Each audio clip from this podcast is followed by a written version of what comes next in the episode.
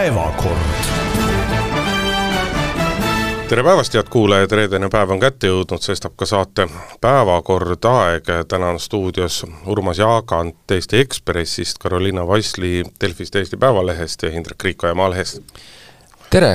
tänased äh, teemad, ehk tänane päevakord siis järgmine, äh, kas Helme, Martin Helme troon EKRE-s siis kõigub, on tulnud äh, sel nädalal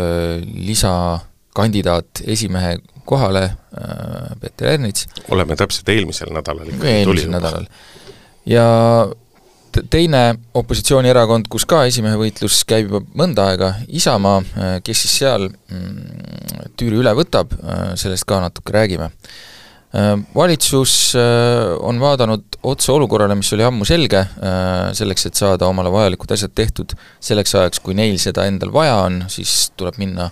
usaldushääletuse teed vähemalt osade eelnõudega, kas see on hea plaan või mitte, ka sellest räägime Äh, kultuuriministeeriumist, kust pole vist ammu olnud ühtegi sellist äh, silmapaistvat äh, skandaalimaigulist juhtumit. see küll oli, et kuulsime, kui suured palgad seal on. jaa, võib-olla noh, palgad kõrvale jätta, siis äh, nüüd on seal toimunud niisugune liigutus, kus äh, üks asekantsler on koondatud ja äh, taust on see, et äh, kuigi on ka struktuurimuudatused, siis ikkagi vist on keegi võtnud natukene liiga palju sõna. Äh, edasi areneb ka teema, mis puudutab äh, siis äh, MTÜ-d Salk, selle kohta on esitatud politseisse kuriteoteade ja Isamaa jätkab oma suhteliselt vihast võitlust sellesama ühenduse vastu, jättes kõigiti mulje, et just need on see seltskond, kes röövis neilt, noh, ma siis täpselt ei tea, mille, ilmselt siis parema valits-, valimistulemuse. Aga alustame EKRE-st, mm, nagu õigesti parandasid, siis äh, juba eelmisel nädalal tegelikult äh, teatas äh, Peeter Ernits siis, et kandideerib ka EKRE esimeheks, ähm, paistab, et kuigi läbi arutatud see erakonna sees ei olnud, sest et ähm, noh, esimesed sõnumid olid sellised üsna umbmäärased ja ei olnud ka nii-öelda teiselt seltskonnalt, ehk siis äh, sellelt praeguselt juhtkonnalt selliseid tavapäraseid reaktsioone, et et no meil ongi demokraatia ja alati on tore, kui on konkurents ja ideede võistlus ja nii edasi, midagi sellist ei olnud, äh, Peeter Ernits lihtsalt äh, teatas sotsiaalmeedias siis, et on sellise otsuse teinud, alguses paistis, et pole väga mingeid erilisi seisukohti, mis kuidagi äh, eristuksid peale selle tavapärase, et peab erakonda ikkagi nagu rohkem kaasama ja rohkem piirkondi mm, kuulama ja nii edasi, mida ütlevad kõikides erakondades kõik inimesed, kes kandideerivad esimeesteks ja unustavad selle niipea, kui nad on esimeheks saanud. Ehm, no vaadates nüüd viimaseid intervjuusid äh, Ernitsaga, siis mulle tundub, et ikkagi väheke tõsisem on see asi, selles mõttes tõsisem, et ähm, äh, ütleme, nende äh, seisukohtadega, mis tal on, on tegelikult suhteliselt lihtne nõustuda, et äh, toob siin näiteid sellest, kuidas ikkagi mingid inimesed on ära läinud, keda erakonnas oleks vaja äh,, räägib siin sellest, kuidas noh, nende valijad ja ka erakonna sees siis ilmselt tunnetatakse, et Helmetega ollakse nagu nii-öelda nurka värvitud, kust, äh, kust välja ei saa ja Ernits siin võrdleb vana Savisaare-aegse Keskerakonnaga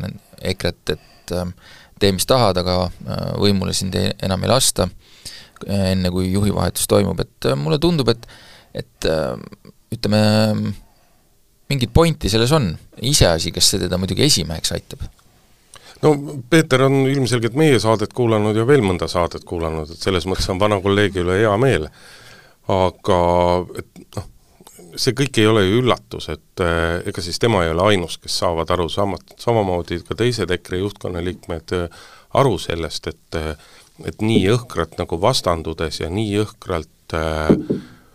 noh, kompromissitult iseenda asja ajades sa ei jõua kuigi kaugele, sest et poliitika on kompromisside kunst, sa pead kokkuleppeid tegema selle jaoks, et midagi ka oma plaanidest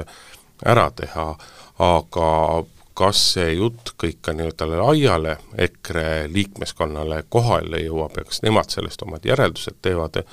mina olen selles mõttes küll skeptiline, et siin on ka esimesi nii-öelda hõikeid juba kuulda olnud, et äh, läheb tihedaks rebimiseks ja Ernitsal on võimalik kas nüüd just esimehe kohale saada, aga ikkagi küllalt kõrge toetus võimalik saada, siis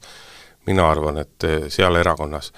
selle on perekond Helmed nagu väga selgelt suutnud maha joonistada ja selle arusaamise tekitada, et et on ainult kaks võimalust, et kas te olete meie poolt, see tähendab siis Helmete poolt, või te olete meie vastu ja kui te olete meie vastu, siis te olete reeturid. Teie koht ei ole meie juures, teie koht ei ole meiega. ja sellised inimesed tulevad hävitada, et ise sa ju ka siin ennem saadet küsisid mu käest, et noh, huvitav, kauaks siis Ernits EKRE-sse kuulub veel jaa, ma pakkusin välja siis ka, et kui, kui sa juba selle salajase vestluse nagu siia saatesse tõid, siis ma pakkusin välja, et umbes kolm nädalat pärast esimehe valimist võiks olla niisugune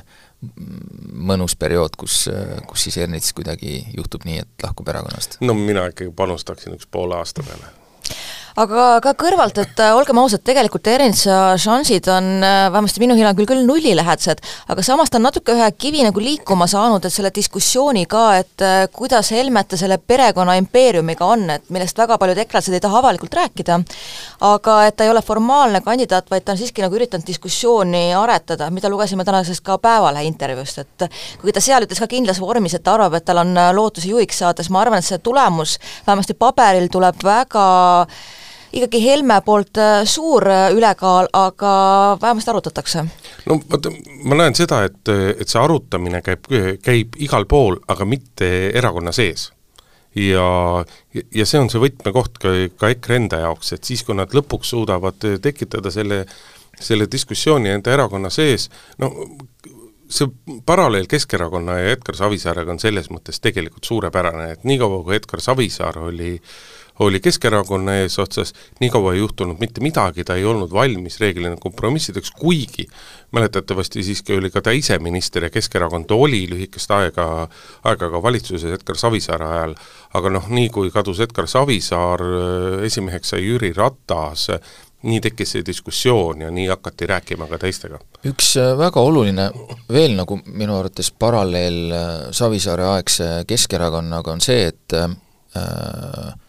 Savisaare ajal ei teinud Keskerakond vigu, äh,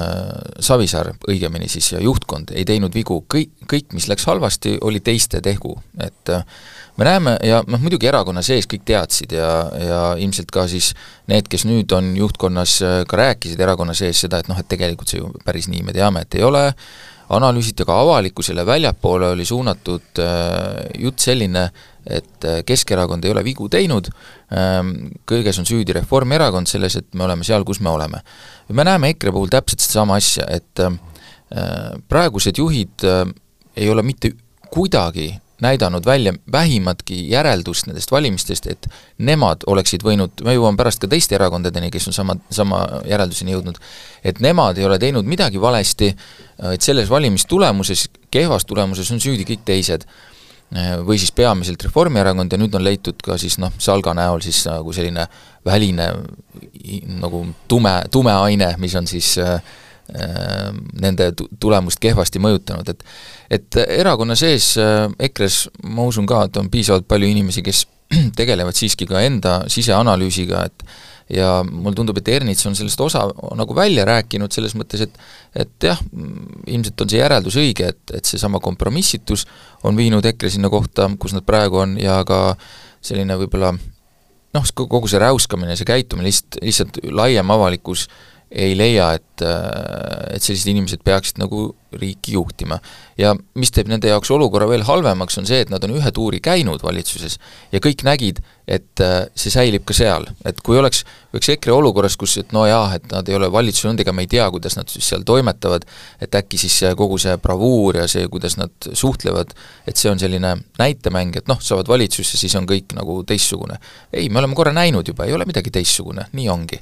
Ja selle teadmise pealt mm, noh, ongi raske äh, nagu oma valijasbaasi liiga palju laiendada, see, et küsitlustes inimesed sulle nagu viskavad sinna neid äh, sinu nime taha neid linnukesi veebiküsitluses või kui keegi helistab, noh, see on niisugune tühitähi, mis sa sellega ikka pihta hakkad, kui, kui äh, valimistel on sul seal, mis seal oli, kuusteist?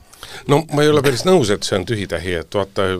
see ei käinud küll EKRE kohta, aga vaatame ka praegust valitsust, eks ole, kelle kaks osapoolt on, on reitingutes tublisti kaotanud ja ja ka alguses oli valitsus jube üksmeelne, sellega, mida teha maksudega ja nii edasi, siis nüüd me küll räägime sellest valitsuse usaldushääletusest, aga tegelikult valitsuse sees enam kompromissi ei ole, mis veel mõni nädal tagasi oli ja see tuleb puhtalt sellest, et reitingud räägivad teist keelt. aga noh, teeme siis väikse ennustuse ka, et äh, kui palju protsentuaalselt Peeter Ernits homme hääli saab? Urmas oh,? Väga keeruline öelda, no ma pakuks, ma ei tea, no ütleme viisteist protsenti. no Karoliina, mis sa pakud? no ma olen natuke optimistlikumalt või no ütleme seal kahekümne protsendi kanti. kakskümmend. no ma panen siis kakskümmend viis, kuigi ma tahtsin ka viisteist panna, aga las ta olla. aga teine erakonna esimehe valimine on ka, kus, kus nii-öelda seda konkurentsi ja pinget on tegelikult tunduvalt rohkem, see on ju Isamaa kus on Urmas Rein, tundus, et Urmas Reinsalu võtab igal juhul valimisvõidu ja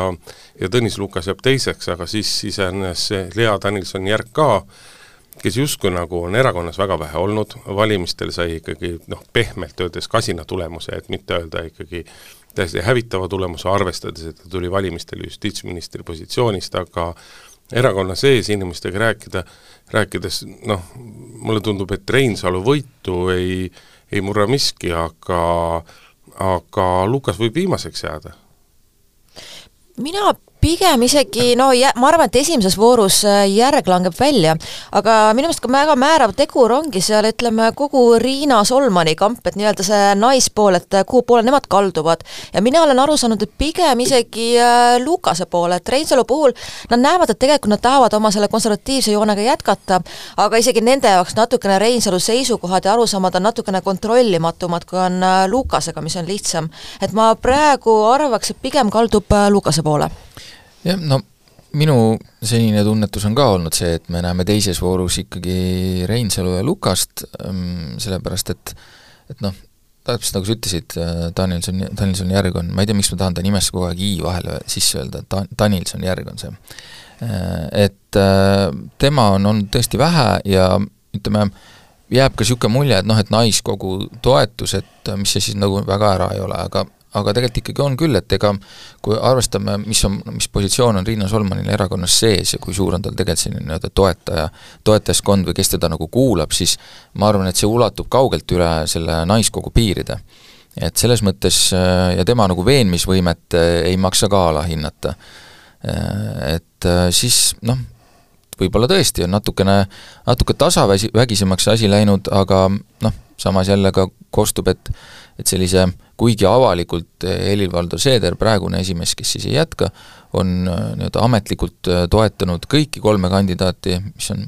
iseenesest natuke naljakas, on noh, sellise nii-öelda kaadri taga ikkagi oma noogutuse teinud pigem nagu Lukase poole. no aga see on ka täiesti loogiline, sest et ärme unusta, et et äh, Helir-Valdor Seeder on nii-öelda vana kampsun, ehk ta on see vana Isamaa mees ja Lukas on ka samamoodi sealt, äh, samas kui Reinsalu on selgelt äh, Res Publica mees ja noh, omaaegse Res Publica mees ja ja Järg on seal noh, ta on, ta on nii uus tegija, lisaks noh, Helir-Valdori see-, Seederi suhtumine naistesse ja nende rolli ühiskonnas on muidugi legendaarne, millel me ei pea siinkohal pikemalt peatuma. aga noh, asi, mida erakonna sees Lukasele väga selgelt ette heidetakse, on see, et et ühest küljest on ta nagu suur valge isa, aga, aga tema puhul näha, nähakse selgelt seda probleemi, et et ta tuht-, suhtumine on nagu selline, et kui ma EÜS-i tekli pähe panen, siis ma olengi juba riigi ja rahvamees. aga tegelikult öö, on ühest küljest riigi ja rahvamehe jaoks, meheks olemiseks on vaja midagi palju enamat, aga Isamaale on eelkõige vaja praegusel hetkel sellist nii-öelda sebijat ja aktivisti, kes äh, viitsib möllata, sõna võtta sajal erineval rindel korraga, ajada mingisuguseid asju, sest et noh, sellest on Isamaas väga selgelt aru saadud, et kui me tahame kui me tahame olla stabiilselt nii-öelda poliitilisel maastikul ja me, kui me tahame olla vä-, mõnevõrra suurema toetusega kui see kaheksa protsenti viimastelt valimistelt, siis on vaja seda oma valijabaasi laiemaks ajada. ja, ja aga see eeldab kõik suurt tööd ja suurt sebimist ja see, see ei ole nagu Lukase stiil. kõrvalt tundub, et võib-olla teatud juhtladvikke saavad aru, et seda on vaja, aga nii-öelda niinimetatud lihtliige ootab ikkagi sellist pehmemat maandumist ja sellist tõesti kampsunit, mida nad on juba varem näinud ja mis on nende jaoks mugav Te nagu räägite, mulle hakkab tunduma lausa, et te räägite sellest, et Isamaas päriselt käib mingi ideede võistlus selle nimel, et mul, mul, mulle nagu väga ei ole paistnud seda, et mul on pigem jäänud ikkagi tunne, et see on võimuvõitlus, et, et kes siis, kes siis saab selle positsiooni, et noh, okei okay,, võib-olla ma olen nõus, et, et seal mingil määral sellist ideede suunavõistlust ilmselt on ka, aga ma oleks nagu oodanud seda ikkagi palju rohkem. Et äh, mõned nagu sellised avalikud debatid või kui vaadata, panna kõrvuti neid sõnavõtte, mida mida esimehe kandidaadid ütlevad, siis ma liiga palju ikkagi ei näe neid erinevusi selles, mis ma küll mis... ei saa aru, kus sa minu jutust seda nii-öelda ideede võitluse mõtet nagu või no, motiivi kahtlustasid, seda nagu ma ei ole küll kahtlustanud. keegi, keegi seal mõtleb sellele, et võiks olla nagu kuidagi valijabaasi laiendada või noh, okei okay,, see on iga erakonna eesmärk lõpuks, aga, aga nagu kuidagi tundub, et justkui oleks mingid erinevad mõtted, mismoodi see erakond peaks edasi liikuma, mul nagu rohkem tundub, et et ei ole seal väga mingeid erinevaid mõtteid, sest et et senimaani ma nagu ei näe, et ka see erakond, täpselt nii, nagu me rääkisime enne EKRE-st, ei ole ma näinud, et oleks see erakond kuidagi tunnistanud valimistel mingisuguste vigade tegemist. et ja millega nad seda eriti kõvasti kinni müürivad ennast, on see, et et kogu see Salga vastane võitlus, me võime sellest siin hiljem rääkida, mis selle mi-, mis on seal nagu asja eest ja mis mitte, aga see kinnistab igal juhul arvamust, et see erakond ei teinud valimistel midagi valesti et äh, see otsustati kuidagi nende eest ja nemad andsid oma parima ja see parim oleks olnud midagi muud, kui poleks olnud neid teisi. et selles mõttes ikkagi ma ei näe siin eriti palju äh, sellist noh, ainest, äh, mis annaks nagu põhjust mõelda, et et oot-oot, äkki me ikkagi peaksime siin vaatama oma nagu suunda, kas me ikka, keda me kõnetame ja kuidas me kõnetame. et selles mõttes see, see, et sellist varianti pole, ähm, liiga palju seal noh, minu jaoks viitab, et pigem jah, kaldutakse siis kas Reinsalu või Lukase poole ja võib-olla siis tõesti noh, Reinsalu võib-olla oma sellise aktivismi ja sellise hurraaga suudab seal rohkem inimesi, inimesi kõnetada, muidugi palju sõltub ka sellest, mis see, mis see nii-öelda suurkogu olema saab, et äh, Isamaal on teadupärast selline süsteem, et kes kohale ilmub, see mandaadi saab liikmetest ja osaleb, et seega see nii-öelda osaluse hulk hulk on päris määrav selles, kuidas, kuidas seal läheb, et siin noh, tipu, tipuaeg oli siin eelmine kord, kui Lavly Perling kandideeris, siis oli seal Tartus palava ilmaga kohal vist mingi tuhat kolmsada inimest või rohkem, et et seekord ei ennustata, et nii palju tuleb, aga ilmselt alla tuhande, aga eks me näe, et selle, see, ma arvan, noh, üsna olulisel määral mõjutab, äh, kuidas see asi hakkab nagu kujunema ja ja muidugi tore saab olema näha, kas vana hea bussidega inimeste kohale sõidutamine on endiselt au sees või mitte, võib-olla seda enam nii, nii reljeefselt ei tehta kui kunagi, aga aga noh, saab olema huvitav. et kui kui see teema kuidagi kokku võtta ja mõlemad erakonnad kokku võtta, siis siis see üldistus on küll see, et et mõlemas erakonnas käib võimuvõitlus ja selle peale, et midagi noh, tõesti kapinaal, kapitaalselt ja kardinaalselt muuta, selle peale keegi praegusel hetkel ei, ei mõtle ja nii-öelda iseenda eksimus, eksimatuses ollakse just valimiste kontekstis mõlemal puhul jätkuvalt veendutud. kõrvalt tundub ka, et äh, vaenlane nii-öelda väljaspool ja ikkagi äh, ka opositsiooni tümitamine ja tõesti, meil korra juba käis läbi, millest me hiljem pea, peatume pikemalt, et äh, Salk on selline nii-öelda must äh, vaenlane kuskil, kellele ka rõhuda, kuigi see, et siseanalüüsi teha sisuliselt, et sellele väga ei pühenduta jaa, ja nüüd äh, liigume edasi ja vaatame ka, et meil Riigikogu, mis on vahepeal osutunud selliseks, et ei julge ülekannet peale pannagi, sest võib kuulda roppusi ja selliseid sisutühji analüüse. ja ma mäletan, et see närvikava on noortel inimestel ikka nõrk enam kui nädal tagasi ma olin äh, eelmisel äh, Vabariigi Valitsuse pressikonverentsil, kus ka öeldi, et ikka kasutati sõnu, et kompromiss, et me üritame siin leida opositsioon ja koalitsioon kompromisse, aga kokkuvõttes me jõudsime ikkagi selleni, et tähtsad eelnõud, mis puudutab maksumuudatusi ja perekonnahüvitiste küsimust, et see läheb ikkagi usaldusküsimusega ühte kampa, mis oli tegelikult oodatav. ja kõrvalt tundub ka, et pigem valitsus natuke ootas, et ikkagi jätta ka avalikkusele mulje, et nad üritavad tõesti kuidagi siluda ja leida, aga kokkuvõttes me oleme juba sügavas suves nii-öelda ja et ega muud varianti ei olnud, et tegelikult ega siin midagi üllatavat ei olnud. Urmas, mis sa arvad? ei, siin ei ole midagi üllatavat, selles mõttes, et muidugi kui sa võid teha küll nägu, et äh, me otsime siin mingit kompromissi, aga kui sa otsid kompromissi ja seal keset seda lauda istub mingi tuhat viissada muudatusettepanekut äh, erinevatele eelnõudele, siis no mis kompromissi sa seal otsid, et äh, no lihvid sealt hunnikust ütleme viissada tükki maha või et siis jääb tuhat alles, mis me siis nüüd teeme, et et see on täiesti ilmne, et siin ei tahetud seda nagu ka nii-öelda kohe, kohe lükata seda asja sinna usaldushääletuse torusse, aga noh, ega seal ei olnudki mingit muud varianti muud varianti selles mõttes, et, äh, et kui valitsus tahab saada, mida, mida nad on otsustanud, nad tahavad saada, alati on variant see, et nad võtavad need tagasi ja ei tee neid asju, siis äh, niimoodi saab ka, on ju, aga me lihtsalt teame, et et see valitsus äh, seda, seda ei kavatse teha. nii et äh, selles mõttes on see kõik ootuspärane, need ei ole muidugi ilmselt ainsad eelnõud, mis siin äh,, siin enne äh, suvepuhkust, mida ametlikult olemas ei ole Riigikogul, äh, siis usaldushääletuse külge lähevad, et küllap neid tuleb veel no häda on tegelikult ju praegusel hetkel see, et ega valitsus ei tea, mida ta päris täpselt teeb, et eilsel valitsuse pressikonverentsil küll ühe käega kinnitati seda, et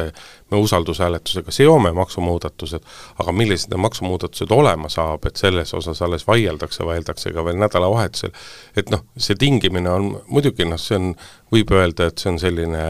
nii-öelda pisikeste detailide peale, aga aga noh, need äh, ka valitsuserakondade suhted on sellisel tasandi, äh, tasemele jõudnud, ühest küljest reitingutes, äh, kõigest teistest ja noh, Kaja Kallas valas ju eile ka jälle õli tulle, et Rahvusringhäälingu küsimuse peale, et kuidas see küll nii on läinud, et kogu aeg oli nagu suur üksmeel ja nüüd ei ole suur üksmeel, et siis, et noh, see suur, need üksmeelsed seisukohad kaovad siis ära, kui lobistid on mõningate inimesteni jõudnud kulla Kaja Kallas, et kas, et, et kas sa tõesti usud, et annan kõigepealt põlvega munadesse ja siis ütlen, et oleme sõbrad ikka edasi ja siis ollaksegi sõbrad edasi, et et äh, väga keeruline on nagu mõista, miks, miks, miks peaminister ja, ja, ja juhterakonna koalitsiooni juhterakonna juht, noh, miks ta peab niimoodi käituma, et ma saan aru, et noh, et sa omavahel tead, torkad ära, aga miks sa niimoodi avalikult pead ütlema? Nojah, et äh, inimene on aus ja otsekohene, seda me oleme näinud juba päris mitmel korral ja ei, inimene on siiski ka, kõike muud kui kohati, aus ja otsekohene, terve seda pattu talle küll hingele pane. no kohati nagu ohtlikult võib-olla ka omade jaoks, aga aga no sa küll jah, jätad mulje, et äh, jubedamalt on kõik lahti, no mulle tundub, et see on pigem ikka ühe koha mulje. pealt, et, et see puudutab nüüd seda äh, käibemaksumuudatused, seal on mingid asjad, mis on nagu detailid, detailides lahti, et et äh, noh, eks siis seda vaieldakse, aga üldiselt ähm, mulle küll tundub, et pigem äh, kõik on seda meelt, et äh, niimoodi tuleks edasi teha ja nagu koos edasi minna, et ma pigem ei usu, et sellest mingit suuremat probleemi tekib, küllap lepitakse ka viimasel hetkel kokku see see käibemaksu osa, mis siis puudutab seda, et kui palju siis hotellidele seda majutusasutustele seda juurde keevitatakse ja kas ja ajakirjandusele. ja ajakirjandusele, eks ole. et et äh, selles mõttes äh, seal noh, kindlasti saab see vaidlus olema natuke, aga ma ei näe ka seal nagu sellist väga põhimõttelist nagu kohta, kus, äh, kus vaielda, et tõen-, muidugi lobistid mõlemal pool seal käivad kindlasti sebimas ja neid asju nagu rääkimas, kuidas kindlasti tohiks või ei tohiks teha, aga ma usun, et selle taha see, see asi ei jää. ta ei jää selle asja taha, aga seal on väga selgelt ikkagi, ikkagi nii sotsid kui Eesti kakssada, nad on jõudnud, nad oma erakondade sees on jõudnud nende arutelude ja nende mõteteni, et et mis meist siis ikkagi saab, kui me noh, eelkõige sotsid, et kui me praegu lasemegi, lasemegi peretoetusi kärpida ja, ja noh, asju, mis ju tegelikult ei käi nagu sotsiaaldemokraatliku ilmavaatega mitte ühestki kandist nagu kokku, et nad teevad tegelikult justkui risti vastupidi oma ideaalidele ja ühest küljest küll nagu nähakse, et meil mingisugust muud võimalust ei ole valitsuses olemiseks, et kui me peame sellega leppima, aga see küsimus, et mis see meiega ikkagi teeb, see küsimus on väga teravalt üles kerkinud rääkisin ühe sotsiaaldemokraadist tuttavaga eelmisel nädalal ja tema ütles, et tal on tunne, et ta ei taju, et nemad oleks koalitsioonis, vaid ta tajub, et sotsid on Reformierakonna koalitsioonis. et ka Eesti toet-, Eesti kahesaja toetus on langenud, nad on natuke niisugused madalamad, et kokkuvõttes äh, ikkagi Reformierakond direkteerib, mis nagu saab ja kuidas läheb. ja sotsid ja Eesti kakssada on madalamad kui äh, muru ja nende nagu selline ka toetus langeb selle põhjal tegelikult, et äh, nad kuulavad, mis öeldakse. ja tõesti, need maksumuudatused ja kõik on ikkagi see, mis oli äh, Reformierakonna suunised. jah, see ongi see koalitsioonide nagu selline suur kunst, et et äh, see peab olema ühelt poolt nagu partnerlus, aga teiselt poolt see peab arvestama ka seda nii-öelda poliitilist reaalsust, eks, et et selles mõttes on, võib tunduda tore, et ütleme, kes on Reformierakonna valijad, et näed, me nii suurelt nagu võitsime, siin saime isegi koalitsiooni kokku väga suure ülekaaluga, aga see tekitab nagu teistmoodi sellise olukorra, kus kus sa ei saa ignoreerida iseenda ülekaalu, ja noh, su partnerid loomulikult teavad seda, aga samal ajal äh, sa pead nagu suutma ka säilitada olukorra, kus nemad tunnevad ennast nagu väärtuslikuna, et see ongi nagu keeruline, teha neid kahte asja korraga, et, et äh, sa ei saa eirata oma suurt mandaatide hulka äh,, seda sa pead nagu ka kasutama, sest et muidu sul tekib enda valijate ja enda erakonna sees küsimus, et mis see tähendab, et me anname kõigile teistele asju ja ise ei saa midagi, kuigi me oleme nagu valimised nagu väga selgesti võitnud ja, ja teiselt poolt, kui sa seda liiga jõhkralt peale surud, on ju, siis on tulemuseks see, et partnerid tunnevad, et nad ei ole mingid partnerid, vaid lihtsalt äh, sellised reisisaatjad selleks. et ähm, seda valu Reformierakond nüüd muidugi tunneb ja noh,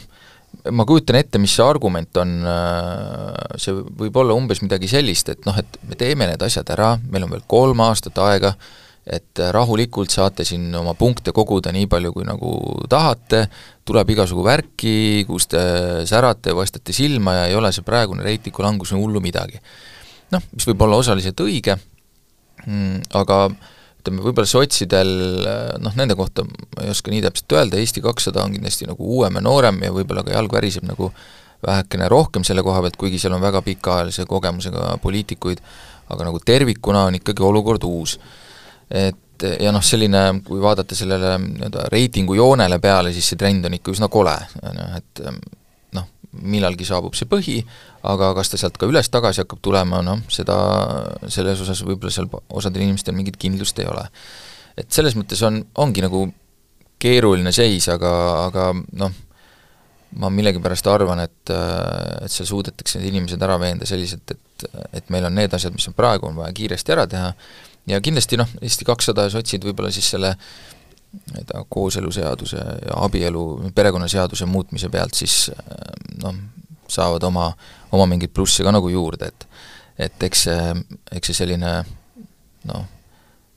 vorst vorsti vastu natuke ikka on lõpuks. no praktikas ma julgen siiski teha ennustuse, et abieluvõrdsuse temaatika, et see ei mõjuta erakondade reitinguid äh, reitingut tegelikult nagu kuigi palju, kuna see on ühest küljest selline nii-öelda nagu hea ja kõlava teema, mis, mis näiliselt ühiskonda polariseerib ja, ja teatud tasandil polariseeribki, aga ta ei hakka nii-öelda nagu erakondade reitinguid väga mõjutama. omaette küsimus on, kas opositsioonil on veel tööriistakastis mingisugune vahend olemas, kuidas, kuidas neid maksumuudatusi nagu torpedeerida, ega neil ju tegelikult ei oleks vaja teha rohkemat, kui kui nii-öelda jõuda selleni, et et veel juunikuus ei jõutaks neid asju vastu võtta, sellepärast et äh, kirjutamata reegel on, et maksumuudatused peavad selged olema kuus kuud ennem, kuus kuud varem ja praegu valitsus pingutab selle nimel, et neid järgmisest aastast enamus, enamusi neist jõustada, osad küll venivad ka kahekümne viiendasse aastasse tegelikult alles, et, et kui opositsioon selle äh, punktivõidu kätte saaks, et suudaks sealt selle edasi lükata, noh, ühest küljest vaatad avalikke sõnavõtte, siis tundub, et ollakse lepitud, samas kui nagu räägid omavahel, siis ikka öeldakse, et ei, meil siin ikka mõni mõte on ja natuke püssirohtu on meil taskus ja et me kindlasti teeme ja eriti EKRE, et noh, meie ikka nii lihtsalt seda asja küll läbi ei lase, aga noh, kas seal on nüüd reaalselt mingisugust varianti või mitte? noh, kas varianti on või mitte, aga tasub mitte ära unustada seda, et äh, juunikuus on jaanipäev ja ka opositsioon tahab minna jaanipäeva pidama, et äh, selles mõttes äh, ma arvan, et neil kindlasti on huvi siin natuke aega veel seda asja nagu püüda pidurdada, sest et niimoodi see peab näima, seda neilt oodatakse, ma arvan, et äh, tegelikult kõik on ikkagi oma kroksid ja sandaalid juba nagu välja toonud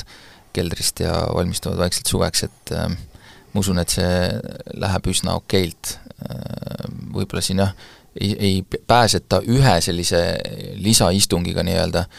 et tuleb võib-olla kaks, võib-olla kolm, aga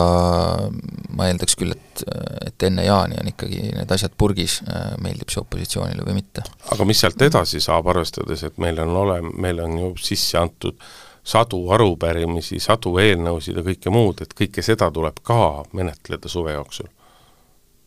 no mis mina ikkagi olen aru saanud, et seal üritatakse ühendada ja nagu ka Urmas siin viitas, et tegelikult äh, võib küll lärmi teha, aga ühel hetkel see lärm natukene ka vaibub ja lõpeb ära ja läheme suvele peale, et äh, ma arvan, et väga nagu siin viibima praegu asjad ei jää, aga muidugi eks me näeme, mis siin sügise tulles peale hakkab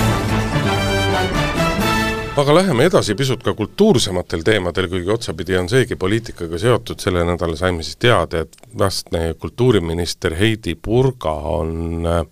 on otsustanud, et ennem isegi, kui uus kantsler majja tuleb, kelleks saab Kristiina Alliksaar, senine Ugala ja Vanemuise juht, on otsustanud ümber korraldada ministeeriumi struktuuri ja selle käigus siis kaotas töö peamiselt teatrivaldkonna eest vastutanud asekantsler Daniel Raudsepp ja see noh, lõpp oli selles mõttes eriti valuline, et Daniel Raudsepp eelmise nädala lõpus avaldas Rahvusringhäälingus ühe arvamusartikli, kus ta rääkis siis äh, teatrite rahastamise ümberkorraldamisest ja, ja seal nagu kõige selline jõuli, jõulisem avaldus oli, et äh, Tallinnas tegutseva Vene teatri rahastust tuleks vähendada ja see raha suunata äh, see raha suunata hoopis erateatritele, noh, eks need, äh, selle koondamise otsuse puhul mingit rolli kindlasti märkis ka see sõnavõtt, aga aga kui palju, see on see kuldne küsimus ja sealt on tekkinud ka see küsimus, et kui vaba on üks riigiametnik oma seisukohtade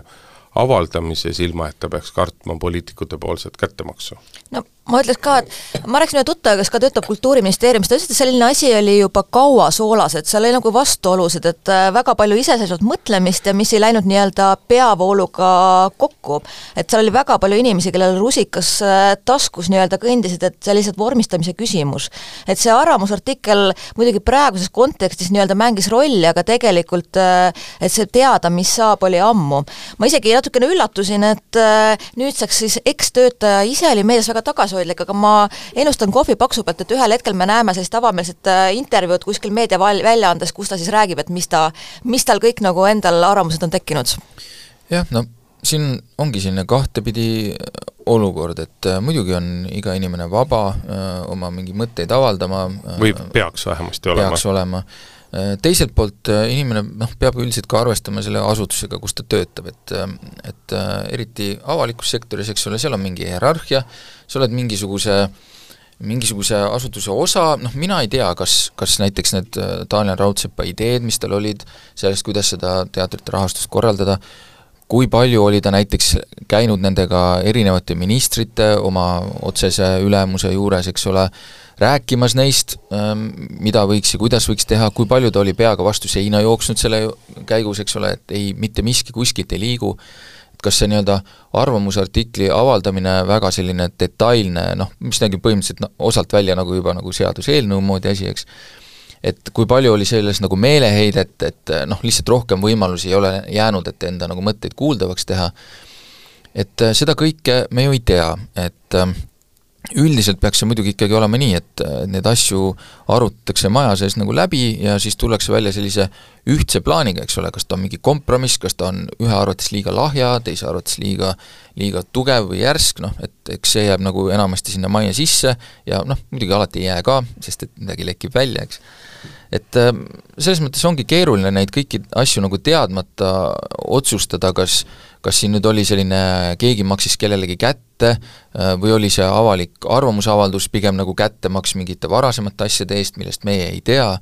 et ähm, selles mõttes ma ei oska siin kindlasti mingit seisukohta nagu võtta. noh, halb tervikuna on see, et see näeb välja sellise äh, Äh, sellise lükatõmba sellise olukorrana, kus kangutatakse seda pulka ja ütleme, lõpeb see, sellised olukorrad ju lõpevad, me teame, kuidas nad lõpevad, nad lõpevad alati sellega, et äh, nõrgem pool lahkub, äh, kas omal soovil või koondamisega, eks ole, eriti karmidel juhtudel vallandamisega, kuigi taustal ei pruugi need olla erinevad, siis äh, noh, selles mõttes äh, on see olukord jõudnud täpselt sinnasamma, et ka kultuuriminister Heidi Purga on ju andnud mõista, et sellel artiklil oli oma osa selles, ähm, mul, mulle tundub, et ta on andnud ka viiteid, et ei olnud need asjad nagu kooskõlastatud, ei olnud läbi räägitud seda, mismoodi seda avalikkusele esitatakse, mismoodi need ideed peaksid olema, et äh, selles mõttes ongi keeruline, et äh, muidugi inimesel olla nagu ideid, aga paraku peab nagu arvestama ka sellega äh, noh, kus sa nagu töötad. ei maksa unustada, et Daniel Raudsepp oli ka või noh, on olnud nii-öelda viimaste aastate väga selge sellist teatrit ja teatrite rahastamisi, rahastamist puudutavate otsuste üheks olulisemaks arhitektiks ja tegelikult teatrite rahastamisega on ju probleeme olnud siin viimased aasta-poolteist, et ka see viimane viimane kord, mis tekitati, mille puhul tekkis ikkagi suur segadus, väga paljud suured teatrid kaotasid arvestatava osa oma oma senisest rahastusest ja tegelikult tehti rahastamise lisavoor nii-öelda ajutise meetmena, et seal neid probleeme on olnud päris palju, et mida mida samal ajal muidugi Kultuuriministeeriumis antud hetkel nagu kurdetakse, on see, et äh, väga paljude jaoks on osutunud Heidy Purga ootamatult nõrgaks, just sisulise poole pealt ootamatult nõrgaks äh, äh, ministriks, kuigi ta on varem Riigikogus pikalt kuulunud kultuurikomisjoni, ta selles mõttes valdkond võiks talle nagu tuttav olla, ta peaks olema tege-, tutvunud kõige sellega, aga, aga, aga mida mitmed ministeeriumi ametnikud ütlevad, et noh, et et sa võid ju olla mitte rahul mingisuguste ametnikepoolsete ettepanekutega, aga paku omalt poolt alternatiive välja, mingeid sisulisi alternatiive. et seda ka nagu jälle ei tule, et et pisut peljatakse, et ühest küljest ka Raudsepaga juhtul ongi nagu arusaadav, sest et eks seal nagu Daniel Raudsepp ühes kommentaaris pärast ütles, et ega ta on isegi ju rääkinud sellest, selle struktuurimuudatuse mõistlikkusest juba varem ja teinud sellekohaseid ettepanekuid, aga noh, nagu peljatakse, et et äh, ministri tasandil võib liiga palju nagu lahmimiseks minna just nimelt nagu valdkonna asjatundmatuse äh, pärast ja, ja see on üks traagilisemaid asju, mis saab ühe ministeeriumiga juhtuda, et et ametisse satub minister, kes valdkonda ei tunne, aga arv ise usub, et ta kõike teab jah, kui ma kõrvalt olen ka jälginud Heidi Purga nüüd sõna võttes, need on väga selline nagu fassaadi maalimine või selline pealiskaudsed äh, üldsõnalised ütlused, kui ta räägib ka näiteks ütleme filmitööstusest, et jah, et igale poole tahaks raha anda, aga sisuliselt, mida see tähendab ja kust on allikad, et äh, paistab, et ta ongi rohkem selline nagu nägu, aga mitte tegu. No vot, mina ei oska seda nagu kuidagi hinnata, et mina jällegi ei tea selle ministeeriumi tegemistest nagu liiga palju, et äh, noh, lihtsalt teile nagu tasakaalustamiseks ma võin öelda näiteks, et ega me ei tea äh,, kuidas äh, Heidi Purga sinna ministeeriumisse maandus, ütleme, ma pean silmas just seda, et et kui ta sattus keset mingisuguseid vanu intriige, vanu mingisuguseid vastuolusid äh,, niimoodi, et ta ei olnud nendega nagu väga kursis, noh siis ongi üsna keeruline seal nagu toimetada ei, ja saada sellele asjale nagu nii-öelda sidurit, pidurit ja gaasi nagu ta peale. ka natuke seal... nagu läbikäiguhoov, et me ju näeme, et Kultuuriministeeriumis ministrid on tõesti vahetunud, nagu inimesed vahetavad sokke, et no tulevad ja lähevad. mina jah, ütleme, see, see ei tundu nagu lihtne valdkond, eriti teades ka ju kultuuriinimesed, kõik on suured isiksused ja seal on suured äh, sellised äh, noh, väärtused ja suured nägemused, eks ole, et selles mõttes äh, me täpselt ei tea, millisesse olukorrast ta nagu sinna maandus, milliste, milliste torkan... asjadega ta pidi nagu kohe nagu tegelema hakkama, milliste intriigide või skandaalidega, et aga et, ma torkan sulle selle vahele, et ta tuli Riigikogu kultuurikomisjonist ja kultuurikomisjoni liikmena, ükskõik mis komisjoni liikmena, kui sa oled tõesti niisugune nii-öelda aktiivne ja tegeled selle tööga reaalselt, siis sa peaksid tegelikult mm -hmm. päris hästi kursis olema sellega, mis toimub ka, ka vastava valdkonna ministeeriumis. noh, võib-olla eksingi mina, võib-olla ta teadiski väga hästi, võib-olla tal on kõik läbi mõeldud, et see, mis toimub, noh, ega ei oska nagu öelda, aga see, ütleme see artikkel, mille Daniel Raudsepp avaldas, noh see natuke nägi välja sellise viimase, viimase käiguna, mille tagajärgi ta tõenäoliselt teadis ette, et selles mõttes jah, ühesõnaga ma ei oska nagu seisukohta võtta, lihtsalt see asi näeb nagu üsna halb välja tervikuna. et, et, et need asjad sellise käigu pidid nagu saama et siin oleks huvitav küsida, et äh, Reformierakonnast on ju avalikult tunnistatud, et kultuuriministri kohta pakuti tegelikult Liina Kersnale, kes ei, aga sellest kohast ära ütles, öeldes, põhjendades, et teda huvitab ainult haridusministri koht, et kas Liina Kersna oleks käitunud teisiti? Lähme edasi teemaga, mis on siin nüüd kerinud juba päris mõnda aega mm,, äh, on see siis mõistagi äh, meie nüüd, kuidas nüüd see nüüd on siis juba hall, Eesti poliitika halliks kardinaliks või mustaks Koalitsioon, auguks. liberaalse koalitsiooni hall kardinal, mitte terve poliitika. ja must auk või neutrontäht või kuidas seda kutsuda, SALK äh,, Sihtasutus Liberaalne Kodanik äh,, kes siis noh, ütleme äh, laiema avalikkuse jaoks on nüüd osutunud selliseks äh, no ütleme, on sa-, saabunud teadmine, et mingi seltskond tegeles mingite andmete ja materjalide, mudelitega ja siis äh, noh, aitas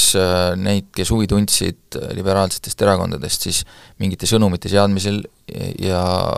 valijate nagu kõnetamisel, nüüd nüüd sa natuke üritad pehmendada, sest et Salk on ju ise ka öelnud, et nad mitte ei aidanud eh, neid, kes huvi tundsid, vaid nad aitasid neid, kes nende arust seda abi väärisid jah, ja, ja muidugi see huvi pidi ka olema, on ju, aga jah, okei okay,, ma olen ka, ka selle, sedapidi sõnastusega nõus, ainult mis on nüüd, mis on nüüd huvitav, on minu jaoks ikkagi see, kuidas Isamaa erakond on proovinud seda,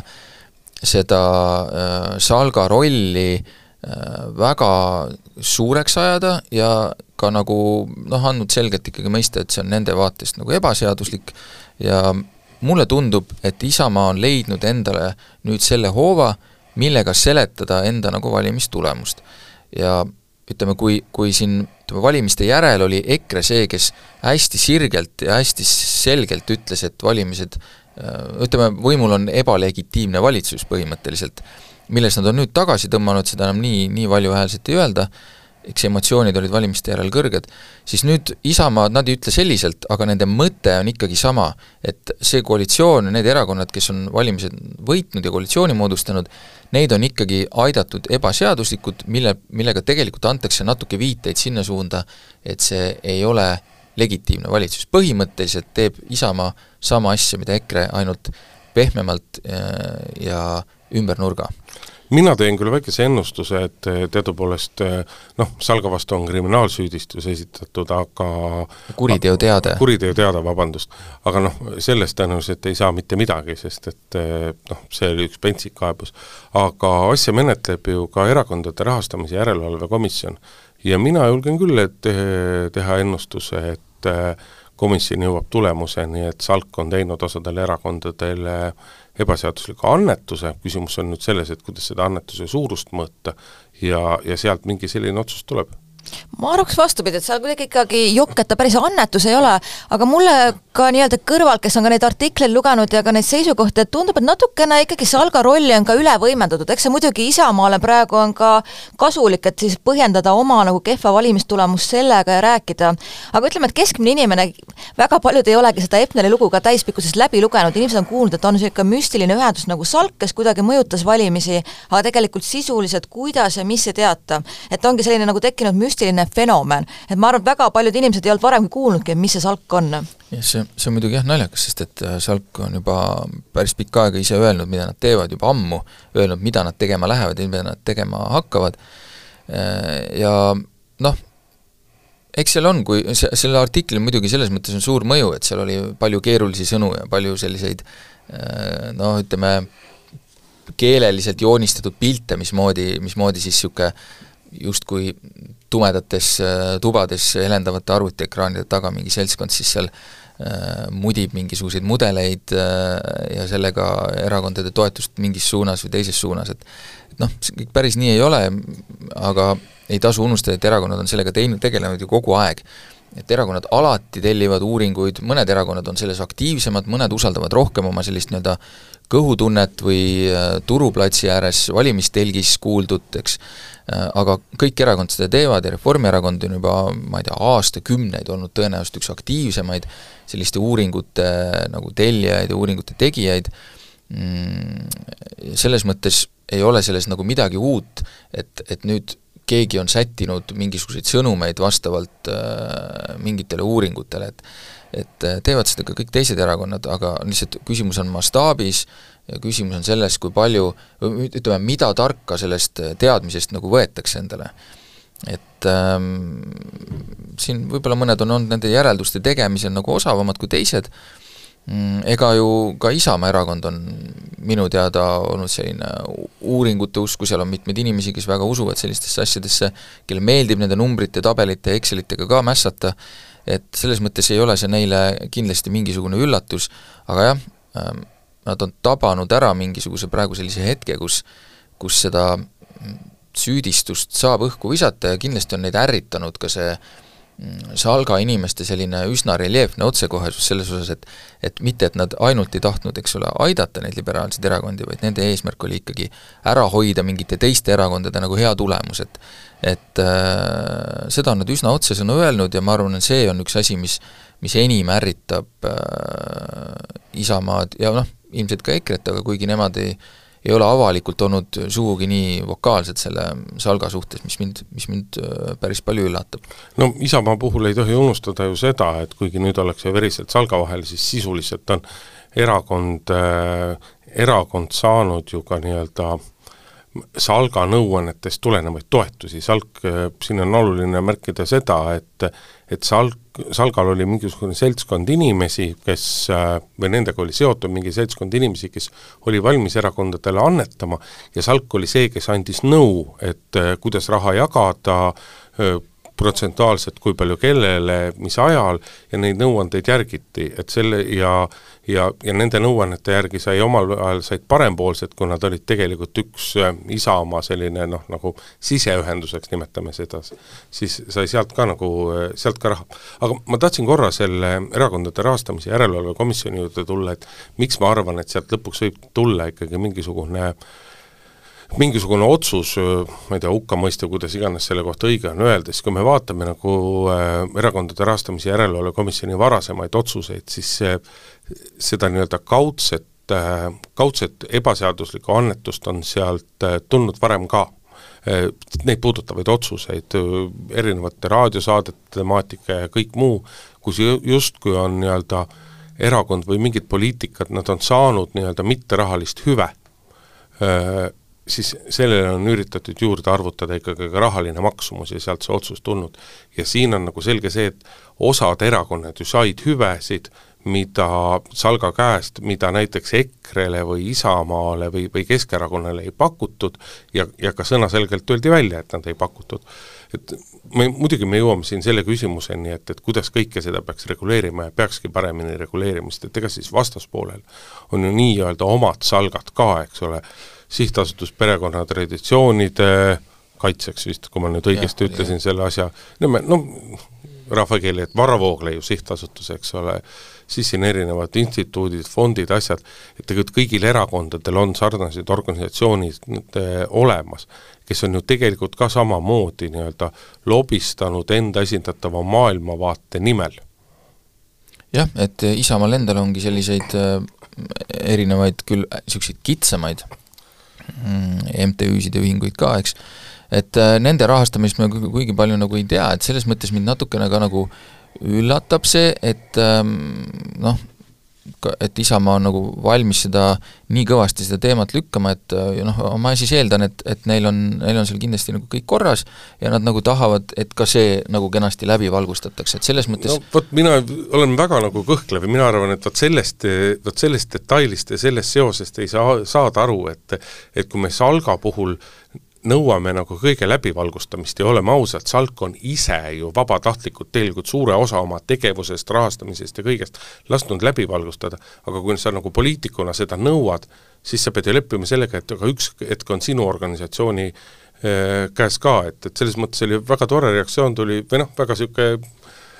reaktsioon, väga hea reaktsioon tuli Varro Vooglaiult, et kui läks jutt jutt selleni, et, et kas kuidagi nii-öelda noh, kuidas neid reguleerida, annetuste avalikustamine ja nii edasi, siis tema kohe ütles, et jaa, kindlasti suuremate toetajate avalikustamist võiks mõelda. et noh, ta astus nagu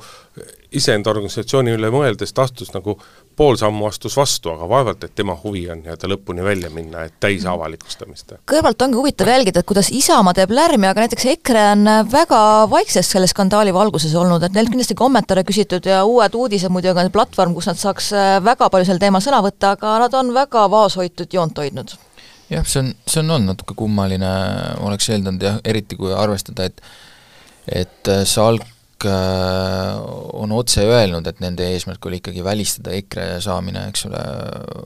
valitsusse või valimiste võitmine, et noh, siis mina kujutaks ette, et kõige vihasem peaks just olema EKRE, aga no vaata. aga vaata, EKRE huvi on jällegi samas näidata, et see SALK on täiesti mõttetu organisatsioon, kellest mitte midagi ei sõltu, et ka selles, selles pikas äh, Eesti Ekspressi artiklist me räägime, seal ka ju Jaak, Jaak Valge nagu põhjalikult võttis sõna ja rääkis sellest, kuidas kõik see on ainult üks suur haip ja suur mull, aga tegelikkuses ei ole sellel mingit ja vaata, siis ongi küsimus, et kummal siis õigus on, et Isamaa ütleb, et on tegu äh, nii-öelda halli kardinali ja mis, mingi musta auguga, eks ole, mille võim võim on vaata et lõputu ja EKRE ütleb, et mõttetu organisatsioon, no millele ei maksa isegi tähelepanu pöörata. ma arvan, et õigus on Tarmo Jüristal, Salga juhil, kes ütleb, et et tore on ette kujutada, et me oleme kõikvõimsad, aga tegelikult me seda ei tea, kui palju me mõjutasime ja suure tõenäosusega see mõju ei olnud kindlasti mingi kolossaalne jah, ja me seda tõenäoliselt ka lõpuni teada ei saa, seepärast et seda ei olegi võimalik tagantjärgi hinnata, kuna meil ei ole paralleelset reaalsust, kus me saaksime vaadata, mis oleks siis, kui asjad oleksid olnud teistmoodi. Et äh, selles mõttes me peame leppima selle olukorraga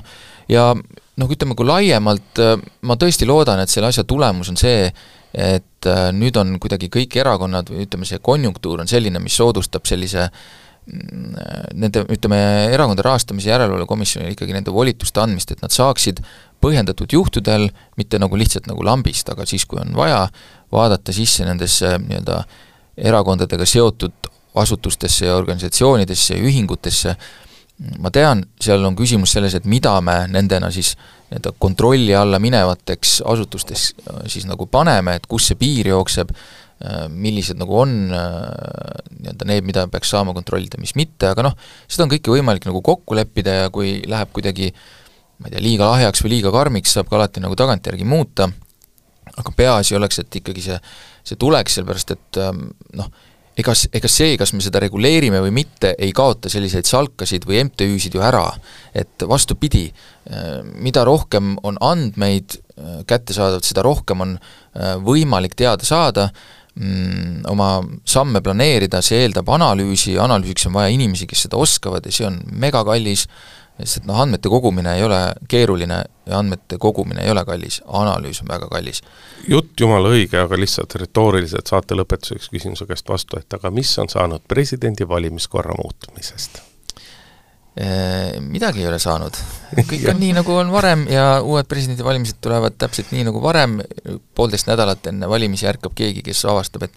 oleks pidanud, äh, siin oli neli aastat aega, näed, ei teinud, äh, hakkame järgmine kord. Ja siis kõik see ring kordub. aga selle tõdemusega lõpetame tänase saate, Urmas Jaagant, Karoliina Vasli ja Hindrek Riik oli stuudios, suur tänu kuulamast, äh, päikeselist nädalavahetust ja uut nädalat ka, tuleva nädala reedel on uus saade eetris.